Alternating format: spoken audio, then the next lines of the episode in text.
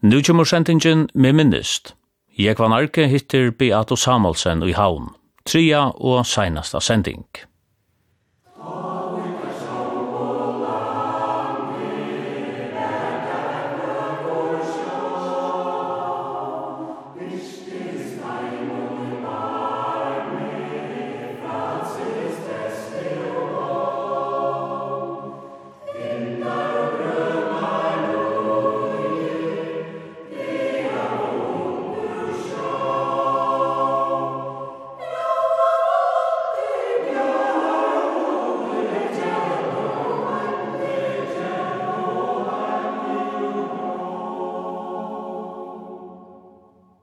Beata, du hever omboa sambandsflotjen i Imsun, Nevndun og Øren Ravun.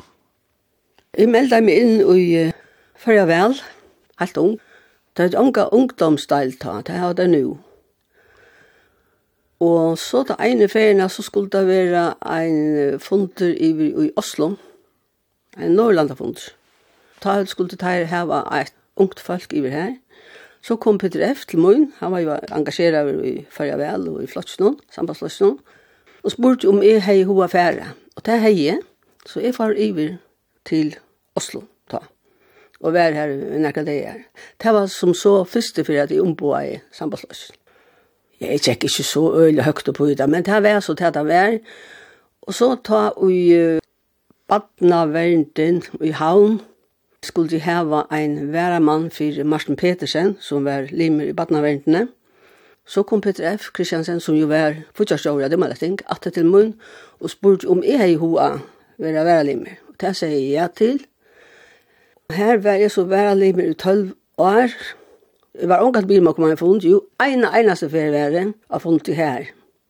Og så tar jeg i 12 år var færen, og Martin Petersen gavst, Så ble jeg spurt om jeg har hod til å være limer i badnavendene, vegna sambandsflotjen. Og ta seg at det er. Jeg helt det var avhåverst. Og her var jeg så i 16 år i badnavendene. Fyra år som mannlig limer, og fyra år som væra formøver, væra forskvinna. Og så var jeg i 8 år formøver. Det var 16 år til sammen så var jeg i badnavendene i havn. Og det var jeg lykka til, 2000 tar jeg stilla jeg opp for sambandslossen til Burai og ble valgt. Til min karriere her i Bøyreis høpe, om så man sier. Men grunden til at jeg stilla jeg opp til Burai til affærene, og ble valgt i 2000. Det var siste minuet, Lisbeth, som hei vært Bøyreislimmer, limmer jeg var. Hon sier at nu hei hon hod til å slippe det. Så sier hun, hva skal vi så få? Vi må få en kvinne inn, sier jeg, sier det, det er så ikke jeg. Jeg vet ikke, så var vi da ferie, så gjør vi tve fra Måre, ofte han, ta. han. Og så sier hun ene for da var vi i Portugal. Så du du Altanier, og hun og jeg kunne gå av vekselen. Og drukke vatten, og det er godt at vi. Da fikk hun ivtale meg til å stille opp. Og det gjør det jo så. Så det var henne jeg skilt, egentlig. Jeg var slett interessert i Buras eh, politikk i røver, og er det. Men det ble jo så. Og her satt jeg så i åtte år, omboende sambandsløsning. Hva kan du si om dette arbeidet i badnaverdene? Det var ekkelig, ekkelig spennende. Det kunne være ekkelig dramatisk og kvart. Man er jo i badnaverdene og foreldre. Men det var øyelig djevende. Du kom inn i familier og tarra daglig det og tarra mat av liv og på.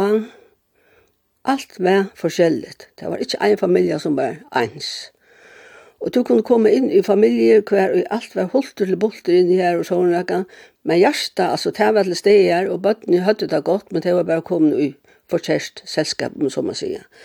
Og kanskje kommet ut, jeg synes det skarft, ut uh, i det pulserende livet, at det var kommet sammen med øren som var mer kriminell som før. Det var veldig kjeilig. Men det var ikke gale vi foreldrene eller nækket hans stod. Det var bare det det var. Og så kunne du komme inn i familier som ikke var i stand til å takke seg av sine bøttene. Bøttene hun tek seg jo av bøttene fra 0 opp til 18 år. Ta hørte vi til de gamle bøttene som var bare en omsetning av det danske. Så gjerne jeg finner en ære, men hun kom så at han er ferdig. En føreska. Men jeg halte til han, barneverdarloven som vi tatt ut ta hun fungerer godt. Hun fungerer ordentlig godt.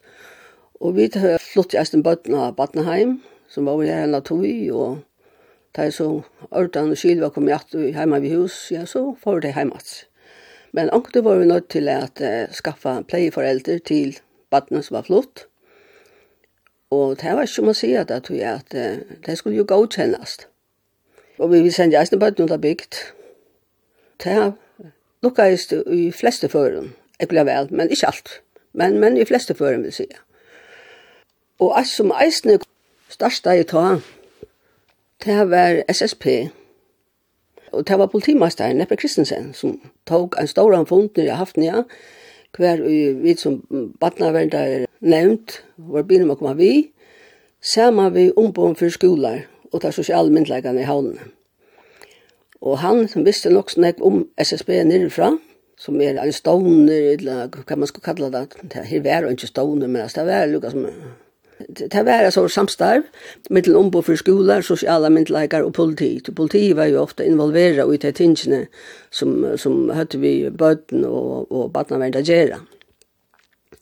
Og her arbeidde vi øyelig intenst, vi har fått her oppa køyra, og mitt anna gav vi det, nekra boklingar ut, i halta var en fyra eller fem, som fyrir spærkasse, fyrir jeg. Og det ble gjort så at dette var boklingar som lærere og pedagoger i skolen og forskolen og badnagården kunne heva til at uh, lea sitt arbeid etter. De kommer jo øyla tatt på pedagogene og læreren kommer øyla tatt på nekbarn som er kanskje sindre omøvelig, om så man sier, i skolealdri, ja. At for jeg får skila og hvordan man skulle behandla sånne bøten, og hvordan man skulle behandla flotjen, så hese ikke tok i over i flotjen. Så kom de finna leibeinig ut heimun heften, som vi tatt, eller boklinsen. Ja, egentlig var det heftig, det rikker var spiraler. Så sa man kunne botja disse boklinkene. Og så kopiera hvis det var noen ting som kanskje nærmengene skulle heva hvis det heim og arbeid. Så det var veldig djevande, og det var ut til alle, det var ikke bare her i havn, det var ut til alle skoler i alle landene, og det fikk jo så snakk hefter, alt etter hvordan store i skolene var, hvordan enn nærmengar var. Så det kostet en ekva tusen kroner, og sperrekassen han betalte alt. Det var veldig godt, det var SSP. Ein parster av tog minnes det, det er det største jeg, brukte vi Esterskolen som modell, hver i middel anna, nærk at de store klassen finke ein politist, som floksens politist, som kom inn nærkar fyrir om året og greide fra tarra arbeidet vi bøttene og ungen, og hvis bøttene som møtte som politisten ut av veien, eller at her kort jo i politibilen, og så kunne det lukke som halse på bøttene, og så kjenner de at Det fungerer jo veldig godt. Da snakker jeg med vi, nærkar lærere som, som høtte floksens politist, Og tar seg at det fungerer funnet, og det var godt tiltak, og det minket jeg nok så nekv om den eh, kriminaliteten som en av tog var i byen, det var så en av nekva nivgeng. Så det gjaldt det. Og ut i en av førene var det eisen så las, at det var en av nekva unklingar i en av parst av byen som var ute om kveldene og om nettene, til ballade. Det var sånn at politiet tok disse dansene, jeg gjette var i eisen pjøy, så blir det tykkende til avhøringer, nærmere, eller bøttene, og Og avhøringene byrja vi ikke for en en fra badnaverden var tjastad. Om så klokka var tro eller fyra om natten. Altså det var lykka mykje. En fra badnaverden skulle være vi, og en bøttene blir avhørt. For jeg velger bøttene. Men så var det, så skulle bøttene heim. Og så var det bare stångt, kanskje heima så heim. Man skulle aldri ha bøttene. Så man måtte lukka som rinja og sija hvordan støvan var, og hva man var, og hva batten kjøy familien var. Og anten kom foreldrene etter bøttene, eller måtte vi køyra deg til hus. Og hos nedføren som vi snakker om nu er, her gjør vi det, vi funnet det av at det var en sånn klika. Og det ble vi, at det hilde sammen og, og balladen helt fram, om næsten av særlig virkskiften. Så gjør vi det at vi kattlav foreldrene etter som bøtten. Sammen vi bøtten til en fond nere av byrene. Foreldrene kjente ikke foreldrene til henne bøttene. Jeg hadde vært en åtta tutsk foreldre vi bøtt noen. Og her snakket vi åpne om problemet, og foreldrene kjente kanskje omkring av bøtten, eller kameraten som hadde egne bøtten, men man visste ikke noe om det annet enn at det så og så til fornavn. Og vi måtte så til at hans foreldrene finge kontakt med hverandre annen og snakket om sine bøtten sammen, og det hjelpte problemet. Det stekket jeg helt. Så det var et øyla godt tiltak, halde jeg selv. Så at um, det var størst arbeid i Vatland. Vi var fem limer, et valgt politisk, eller omboa politisk, en flokk. Alt etter hvordan valget har vært, borasvalget fra undan. Ein av teimen som jeg lærte i øyne, nek var, og det var Georg Torstensson som var formøver ta. Det er æren, æren er ivtog, som formøver. Han var utrolig gaur i raven, det må jeg si. Utrolig gaur og kjente ganske atterlin kjøsebøtten, et eller tver generasjoner, at vet du. Så ofte har man hodla seg, ja, ja, til slei, til slei. Men det er ikke alltid til slei, nei. Det er uh, den omgangskreseren som disse bøttene var jo ui, som kanskje gjør det til at uh, onker som var øyla, frialig, at lærer myndelighet, lykka som hekker bjoi, fyrir jeg vi virkjenter av hinkamraten. Og at omganga mobbing, eller happing som det heter. Det var i flere før. Vi tok i eisne bøtten fra foreldren, hver ui, ikke skil var ui, oppdreilse. Altså matanen som bøttene var kommet ut av en sånn gløybane. Og eisne små bøtten, bøttene kanskje aldri, var vi nødt til at takk og knæv, og som må føre Du, det blir simpelthen ikke passet i ordentlig. Nu har vi godt nok takknanskilt, men altså, jeg kan fortelle at, at i ene føren var det så grelt, døme om at det ikke passet på bøttene, at da vi får åpne jeg skap, så dotte disse skittene blævene ut av skapene, hver samme skap, hver bare margarin og oster og pilser og alt det der, annars var vi samme skap. Altså sånne ting eisene, og så fikk jeg beskjed på at lukka som at her var et ordentlig hus her, altså, at det ble et heim, og det kom skil, og at blævene hørte altså ikke heim i en sånn skap i køtsen, brukte blæver. Og så kom vi til atra alt i ofra boa. Det er jo sånn at vi er oppi heilet, for familien, men det var jo beste mening. Og ta, hvis det ikke var brått nega ta, ja, så fikk jeg vite, altså, nu er vi nødt til å teka bøttene, og hvis jeg gjør det bra, så, så enda jeg maler i flere føren til dommerne. Og ja, så måtte vi innrette oss i badnaverden etter tog som ble dømt her. At flere av de bøttene som vi hadde problemer vi tar, de er sitt i høvenstarvene der. Og onkte ta i møte, onkte sier, ja, jeg kjenner det, men minnes du hinne for noe hinne, for det har vi lengst glemt hva det var for bøtte. Det var så utrolig nekk bøtte man har i vi å gjøre, i kommunene. Så at, jeg er glad for at nekk var teimen som jeg annars møte, takka fire det som vi gjør det, men så kommer eisen som jeg sier, og sier, jeg vil da ikke takka til kom fire. Til tid skulle jeg tidsje med, altså, vi kom av det, som tar vær, tutsi år gammal eller gommel, og flott meg vekk heimanfra, at vi her var ikke verand til heima. Så det var bare rås og rås.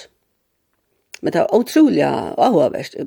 Man kom å kjenne foreldre som eisen sa til høven storven, og alt var pent, blenkt, og pussa og lakera gulv og, og god til ljósastekar, ljósastekar i öllum verins farvun, og og sølpint og alt møvlet og ballarøyra vekst noen, men her var kaldt og kynest heima. Det var simpelthen ikke en baden jeg var.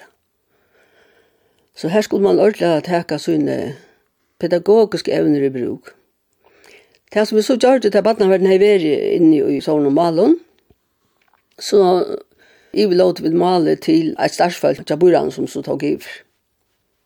Og ja, det Det lukket jeg som regel, ångs vegna. Så nekka av bøtten som i det er vaksen og sjølv er bøtten, det er halsa. Og det er jeg glad for. Du sæt eisen i byrann i nøkker år? Ja. Sæt i åtte år i byrann fra 2000-2008 og stilla oss opp at det er åtte, men kom ikke inn. Og det var siste munnen som var han som skuppa rundt meg her, og fikk meg til å stille opp. Og det var eisen ekkert avhåverst. Og spennende. Og lærerukt. Det må jeg si. Og her hendte jo dramatisk ting eisene. Ikke minst her i samgångene skulle gjøre, som man tror man vil være vi en samgång, samgången, så var man ikke til man så vakna opp morgen etter. Selv om man har skrivet under papiret at om nottene, da man er samråds klokken 2 om nottene, man att man skulle mötas att det dagen efter hvis det var onkel som Lukas som hoppade ifrån eller var färdig i vad stod ut som vi hade snackat om i samband med samgången. Så skulle vi ordna tingen och snacka samman om det där klockan var ett eller två dagen efter. Men här ute i ena förrun här då var det onkel som, som Lukas som får fra sina avtale och och det her glömmer ju ikke. Og det var Heien, Heien Morsensen, som hoppade ifrån. Og som jeg sier vi anta, og det har vi sagt at vi følte av det å snakke om disse tingene, at eh, nå tog brøyter eh, mening og, og først fra, så bor jeg til klokken tvei da vi skulle ha funten. Så så kan det være at jeg eisen jeg hopper fra. Man vet ikke, altså, det er ikke man bare hva tilbøy er og hvordan Heila for å Ja, Nei, han var kvarsel høykelast ingo, nei, han ville ikke boja. Så, da ble jeg vent i hålen jeg. Ja. Så att man, da man tror man var i samkong, så var man plutselig i anstøv. Det var eisen enkla spennende å være her, og lärorikt, det må man sige. Ja, finna, og det er hos uh, Byras arbeid hunker sammen, og i dem de noen som er her, ja, vi blei formet av så vidt du minnes til det første kvinna, og i uh, sosialnevnt, alt i bare vei. Så ja, det blei vi. Og ta kom til erfaringene, til røntene som jeg har haft i badnaverden, ta kom der mer til gåar. Tog at uh, man kjente nekve av de folkene som man kom i samband vi. Og då jeg snakka vi deg, og, og ja, og det, det arbeidet jeg funnet. Det er selv å si det. Så det er i åtta, det er ikke vel, ble valgt inn innatter, så var det det, men så er man til erfaringene rykker. Anna fer varst du Anna lenka fer i Amerika. Ja. Det var det. Jeg var... Um, jeg arbeidet dimma letting ta. Og det var i 92 at jeg ble ringt opp i august måned 92 av uh, en ombøy for det amerikanske sendstående i København. Mm Vi kom alltid spurt på en vei, men med er Angel så sier, det vet veit jeg ikke, det er husby, og han snakket i Holbråte. Dangst, amerikansk. Så sier jeg, det er tutt så snart, det er husby, og jeg har gått noen student, men altså, det var så det var vi forstod oss jo hver annan. Ja, men han har jo til at, om jeg har jo til å komme til Amerika i samband med at Clinton skulle settes inn, første fyr som fortsetter, i januar 1993. Så sier han, nå halte jeg to hever teke feil, sier du måst nok rinja til blæstjøren, kommer atter, og en av første andre er er bare avløser fyrir han. Jeg avløste Benny ta, Benny var ferie av godsmanna, det han alltid vært, kvart år, så fungerer jeg som arbeiderblæstjøren ta. Og så sier han, du må rinja atter, du, du, du må nok snakka vi han. Nei, nei, sier han, til det skal snakka vi. Nå, no.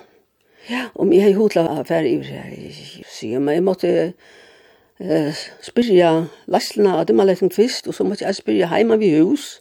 Jeg er jo tru bøtt. Jeg kunne spørre færre, og jeg spurte hvordan lands det var det, og det var det jo en seks-tjei viker, sier han. Ok, jo, ja, jo, jo, men bare rinne tjatter. Jeg kunne ikke bestemme meg, jeg måtte bo i hele benne kom. Og det første jeg som kjørte, det var å spørre heima, jo, det var leie, det var i ordan. Og så spurte jeg Benny da han kom, atter. Og han sier jo, hatt det her, hatt det skjer bare ennå for vi løy noen, man får sår til på, sjålan skal til fære. Pappen min arbeidet jeg snart i Malesken ta. Vi spurte jeg snart han, jo, jo, jo, endelig, endelig jeg. Så, og til vi er i november samme år, så billetter sendte han til, og og skjema i fire, hva man vekk for en dag, og Så vi skulle ikke bare være her i Washington, da i forsetten ble vi innsetter. Men, og tidsen i ei. Men vi skulle eisen reise tvørst om alt Amerika. Det var det som tog lenge tog. Vi flå for dem. Og vi skulle bygge hotell. Vanligt vær, skilt i 18 år, at hver jeg fer og en nødje president ble tidsen i ei. Jeg klager jo eisen ved den samme presidenten, men som en tegn ble tidsen i ei, fjør akkurat år, Så platte de å bjåa falskje ur alle verene å komme og være tjastøtt. Det var ikke noen plikt at man skulle skriva heim hver jeg fyrt. Det var ikke bare journalister som var her. Her var uh, sendte menn, ambassadører ur alle møvene av London. Der skriva jo ikke noe, greina eller noe. Så det var ikke noen plikt at man skulle gjøre det. Men det gjør det så, så jeg får iver, Jeg halte det var en av de første vikene i januar, i 93. Og vi var 35 folk, vi var alle verden. Jeg var om på ur Ghana og Nigeria og fra arabiske London, og jeg var ur fra Tibet, og onke var ur Italien, og Sur-Amerika var vel om på.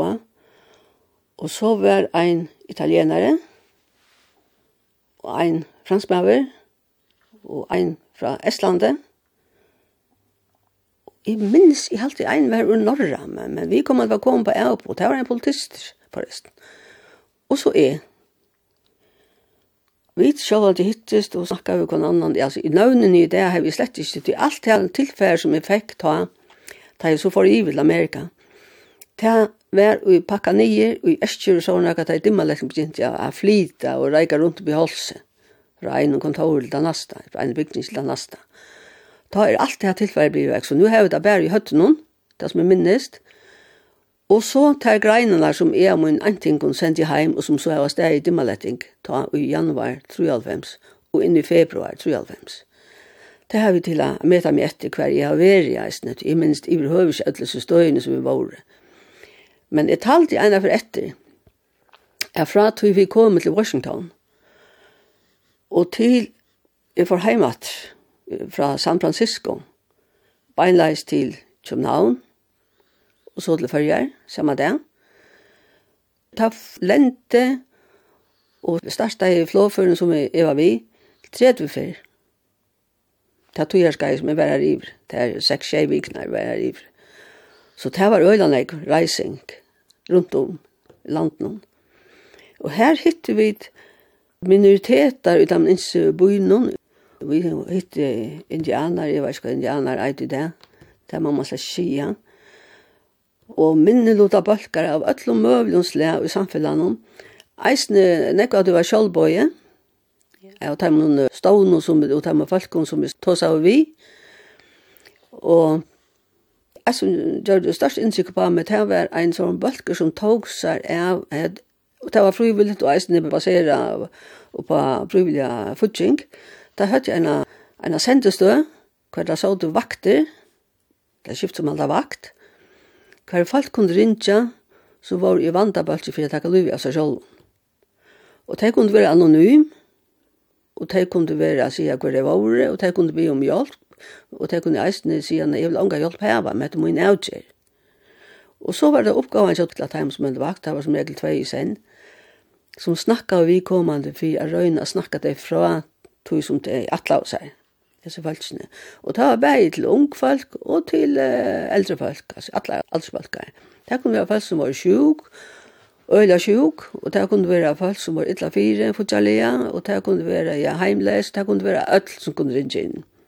Og det gjør det hva det kunne for å hjelpe öllum. Det er alltid var størst. Som jeg sovna i stednottene, som jeg huksa om, hetta arbeid som hese falskjen gjør det frivilligt, og så teg falskjen som teg snakka av vi, hos teg mot java da. Du vi kvars ringte teg så mig atter og takka for hjelpna som teg haft av telefonene, samtalene, tog at teg hadde brøtt meining, ja.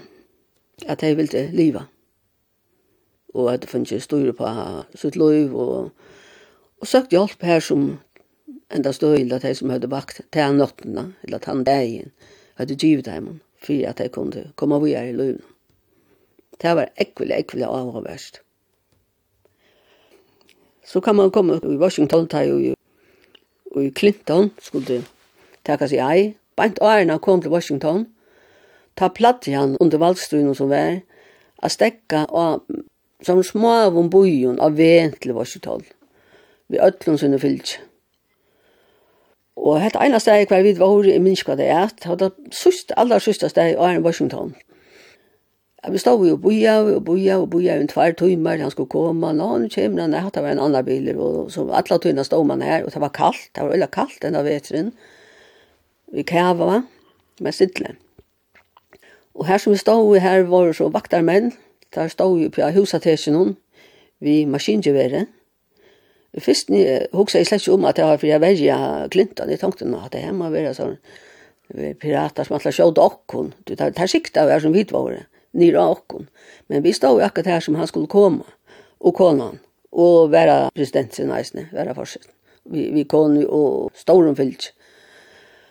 Og der kom jo alt klappa og, og hotnarkastet var her og sånn, og så tjekk han en sånn rundt en grunt og tog i hånden av øtlån og eisen okkon, som han visste var gestur i alle verene.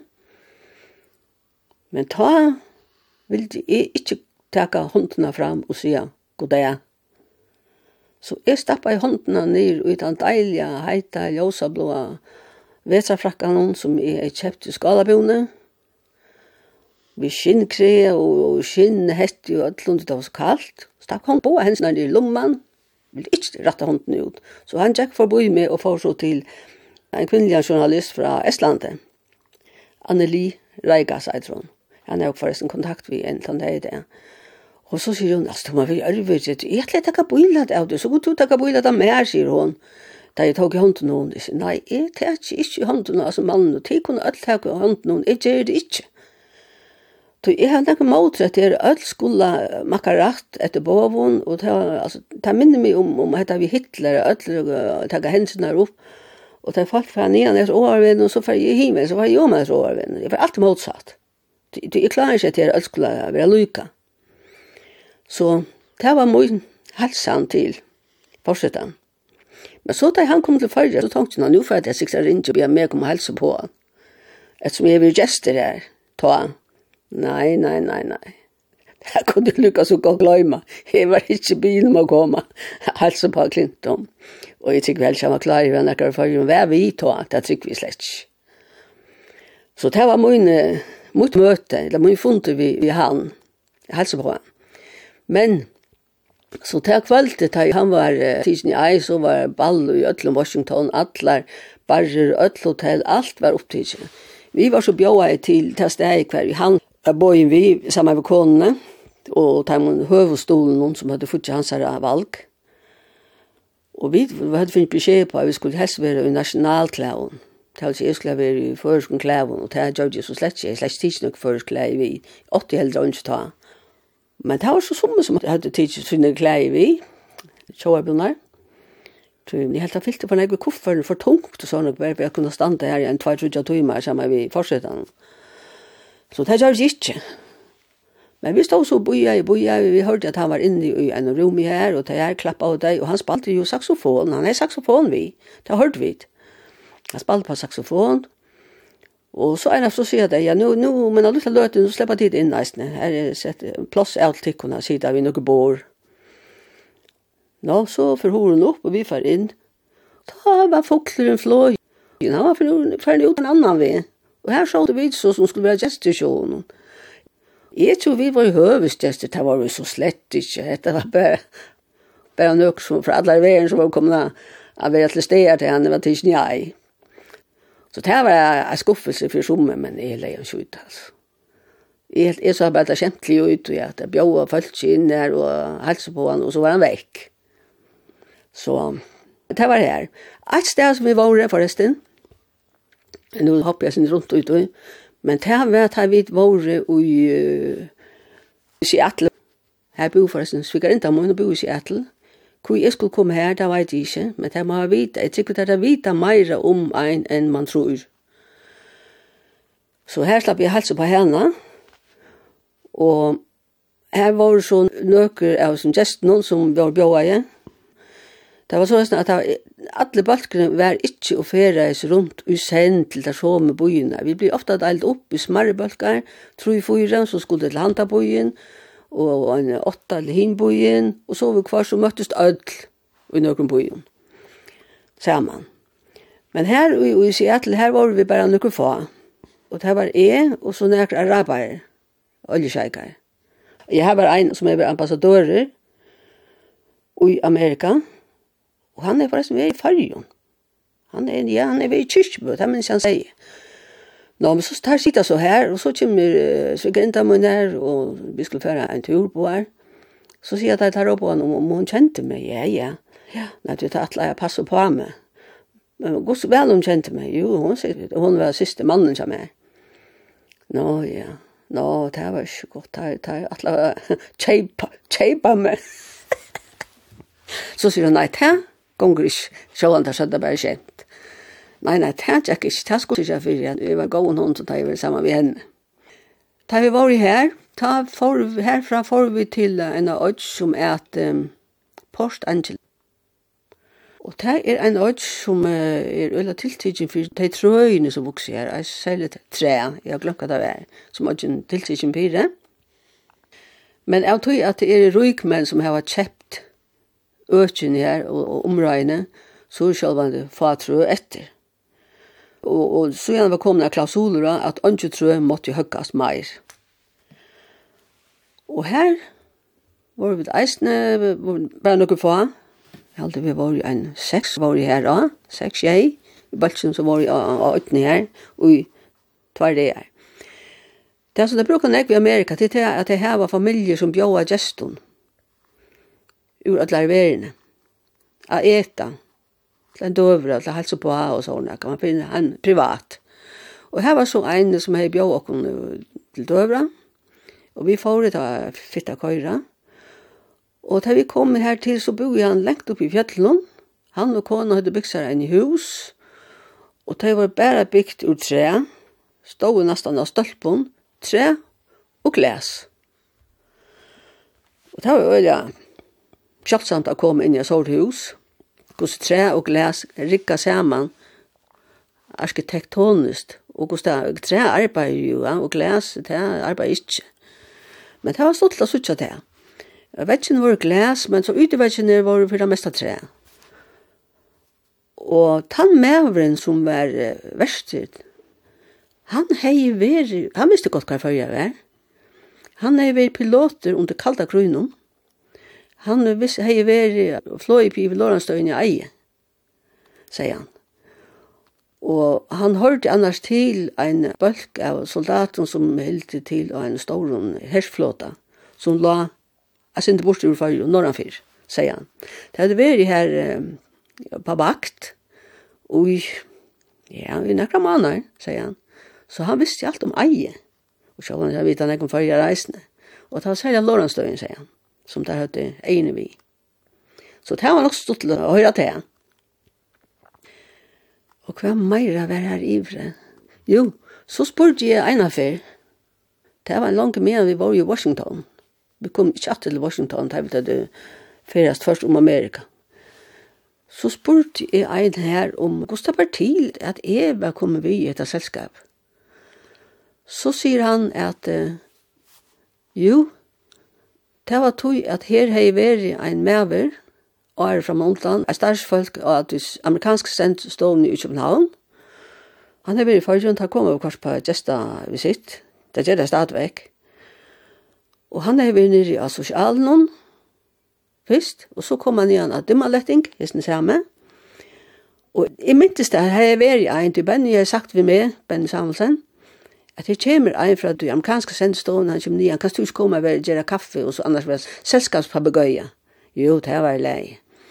Da vi så jo snakka i her, da spurte han nemlig med om jeg har hod til å komme til Amerika, en tur, og om eventuelt uh, komme og være av universiteten og nære og lese. Så sier hva søren skal jeg gjøre her, altså, i Egypt og bøtt og mann og alt, jeg får ikke lese, og en universitet, ja, gammelsalteren. Ja Nei, det er jeg slett ikke, men, men ja, men sier han, du har en son som har vært her i Ivre. Og det var mye alt han eldste. Han var et år i Ivre som uh, utvekslingsstudent, Jøkken Rotary. Han var i Minnesota. Nei, jeg var i Minnesota. Jeg sier, nei, sier jeg, jeg har slett ikke utlatt her i Ivre her i Ivre. Sier, ja, men du er alt av sonen med Ivre. Ja, jeg sier til hans her, Ivre. Altså, jeg har ikke interesse i affære i Amerika. Ivre høver. Nå, no, nå, no, nå, no, men ta oss til det. Hes mauren, hever åpenbart skriva noen ting nyer til han kom heim. Teltet var jo oppfunnet ta, på den måten. Og, og korsta ui enn skuffe kartotekar folk fra alle verden, åpenbart, det var jo ui. Så tar de skulle heva for å velge ut hvem de skulle takka vi som gest i samband vi eh, fortsetta innsettan av eh, Clinton. Ta der åpenbart kors skuffene ut, de skuffene ut, Og så hala et papur opp, nå, her stod Beata oppi av som papur noen. Så er det skilt vi det, at det er virkelig Så sier jeg, men hver er han mauren? Ja, han tar, jeg minst ikke hvordan han er. Ja, det er visst, det er ikke skia. Så sier han, jeg vil gjerne huksa om å møttes mannen og natter. Og takk om du vil det her. Ja, nei, han, han var ikke i starve her langer. Jeg vet ikke om han var blevet kortere til man var selv ferdig, men han er her en stor ranch vi heston, sunna for Washington, ta. Så om han er kortet til at det er å hala mot navn oppe, det var ikke ikke. Men han var så ikke her, han var slett ikke. Han var vekk. Det var nok så avhåverst å høre, hvordan det var fyrkens. Det vil si at jeg følte meg i utlandet, Tu ungen er spurt meg om om jeg er motsak for jeg kartotek. Tja, amerikanska staten, det er falt seg sin merslet. At folk vita nek om en som man, man ikke veit at hei vita. Så ta var så om han, ta mannen. Ja, hva meira kan man fortelle herfra? Ja, men det er sikkert nek, altså, jeg ser, ser papurene jo, så jeg finnes nek mer på sjur tog, men altså, hatt var ståren heiland, ta. Jeg kom å kjenne nøkker av som folkene som var her, og i selskapene, ja, bølgene, vidtene bølgene, og henda dama som jeg nevnte fra meg undan, som var fra Estland, til og jeg kom å være nok snakk sammen. Du, det var så sånn at vi fikk noen penger. En av de første døven da vi kom her til Washington, så sier jeg at nå skulle vi ødel i, i en banka. Ødel fylgjast det at, det der fittpetja genka og villinga samt og sånt. Nå, så færer vi et, alle steder. Da vi kommer her, så får vi et ødel, et tjekkheft. Og dette var penger som vi kunne bruke, vi skulle bruke der, helst, det skulle jo alltid til staten. Og det var til å betale hotellene vi, hotellværelsene vi. Og det hadde finnet plass av de imse hotellene, først om alt Amerika her vi våre, til okken. Men og man kunne få ena værelse, og man kunne eisne ha dobbelt værelse. De som var tvei og tvei saman, om et kamer, fikk det for halvan prus. Men hvis du var ensamhandler, så fikk du fotland prus, og det var ikke bøylet. Men vi tar ikke finnes penger, men altså, hvis du sparer penger, så hadde vi mer penger etter ja. Så sier han den her eh, fra Estlandet, skulle vi bare spørre, da vi er i samme bølse, skulle vi ta ikke bare deilig kammer. Så jag det var det finaste släget så, så slapp man bojlar. Men annars är jag att man har haft ena kammar. Men det blev så det. Og så fikk vi eisen videre til at um, pengene skulle brukes her i landen, som sier Johanne. Og hvis det er nækker som atlas er av landen noen, og i morgen, eller i morgen, og for å stave alle pengene, så skulle vi ta pengene først, og er en til å slippe vi kommer ikke sted. Pengene skulle ikke bare Det skal ikke bare være altså, å få penger i lommen og så vekk. Vi kommer til skal være alle veien rundt. Alle turen. Så det skal ikke være på spekulasjoner. Å, oh, nei, nei, det var jeg sin ørtan. Men så, den ene morgenen, jeg satt og fikk meg morgenmæt. Nå kommer en og ses vi som er, han var fra Indien. Så, så sier jeg, han sa, så er det vel og i leten som det var så kallt. Han är annars inte med tunn och kläv och sånt. Så sier Gustav Heitan, ja, han har ikke holdt noen nått. Nå, sier jeg, det var ikke godt. Doktoren er i verja, men doktoren sier hun falt jo ikke. Nå, sier jeg, det var det deilig, sier jeg, at du ikke var sjuk. Ja, og så andre dagen etter, så nå er han atter, sett seg at vi bor sammen. Så sier han, hvordan gang da i helsene? Ja Jo, nei, han er, jeg måtte alltid ha doktor i nått, det er veldig godt, altså, men, men det sier stadigvæk her, man feiler rundt. Men jeg, jeg går nå bare for heim. Jeg sier, det kan du ikke være bekjent, jeg sier, hvis du ikke feiler noe, så, så tek du alle turen vi, dette var det langt da vi var kommet til Washington, en av den visste døvn her. Og så hoksa jeg ikke mer om det, ikke fint til aller sørst, da vi var via enda turen, Da, når vi viker siden. Så sier onker, jeg, jeg, til godt at vi da kunne betalt for okkur, sier han, til så som hinn indan som var her. Han var så sjuk, han ville heim. Og da hadde vi etter honom og tidsi pengene fra honom. Og så var han ferdig heim. Så han slapp ikke av være vi av feriene tvers om Amerika. Det var på spekulasjon, til han falt i ønskesødde. Han ville eisen innleggjast og alt mulig, til han leis ylt i holsen. Og det tar seg ut han, han kvarst i hosta eller nekka som helst, altså. Ganske normaler. Så at her var reisen et løyde opplevelse, må man sige. Så der gikk, ja ja, det passet på pengene der, men vi skulle betale, det skulle vi ikke. Bruka det, så det ikke får av landet Så får jeg si deg takk for det. Selv takk. Takk.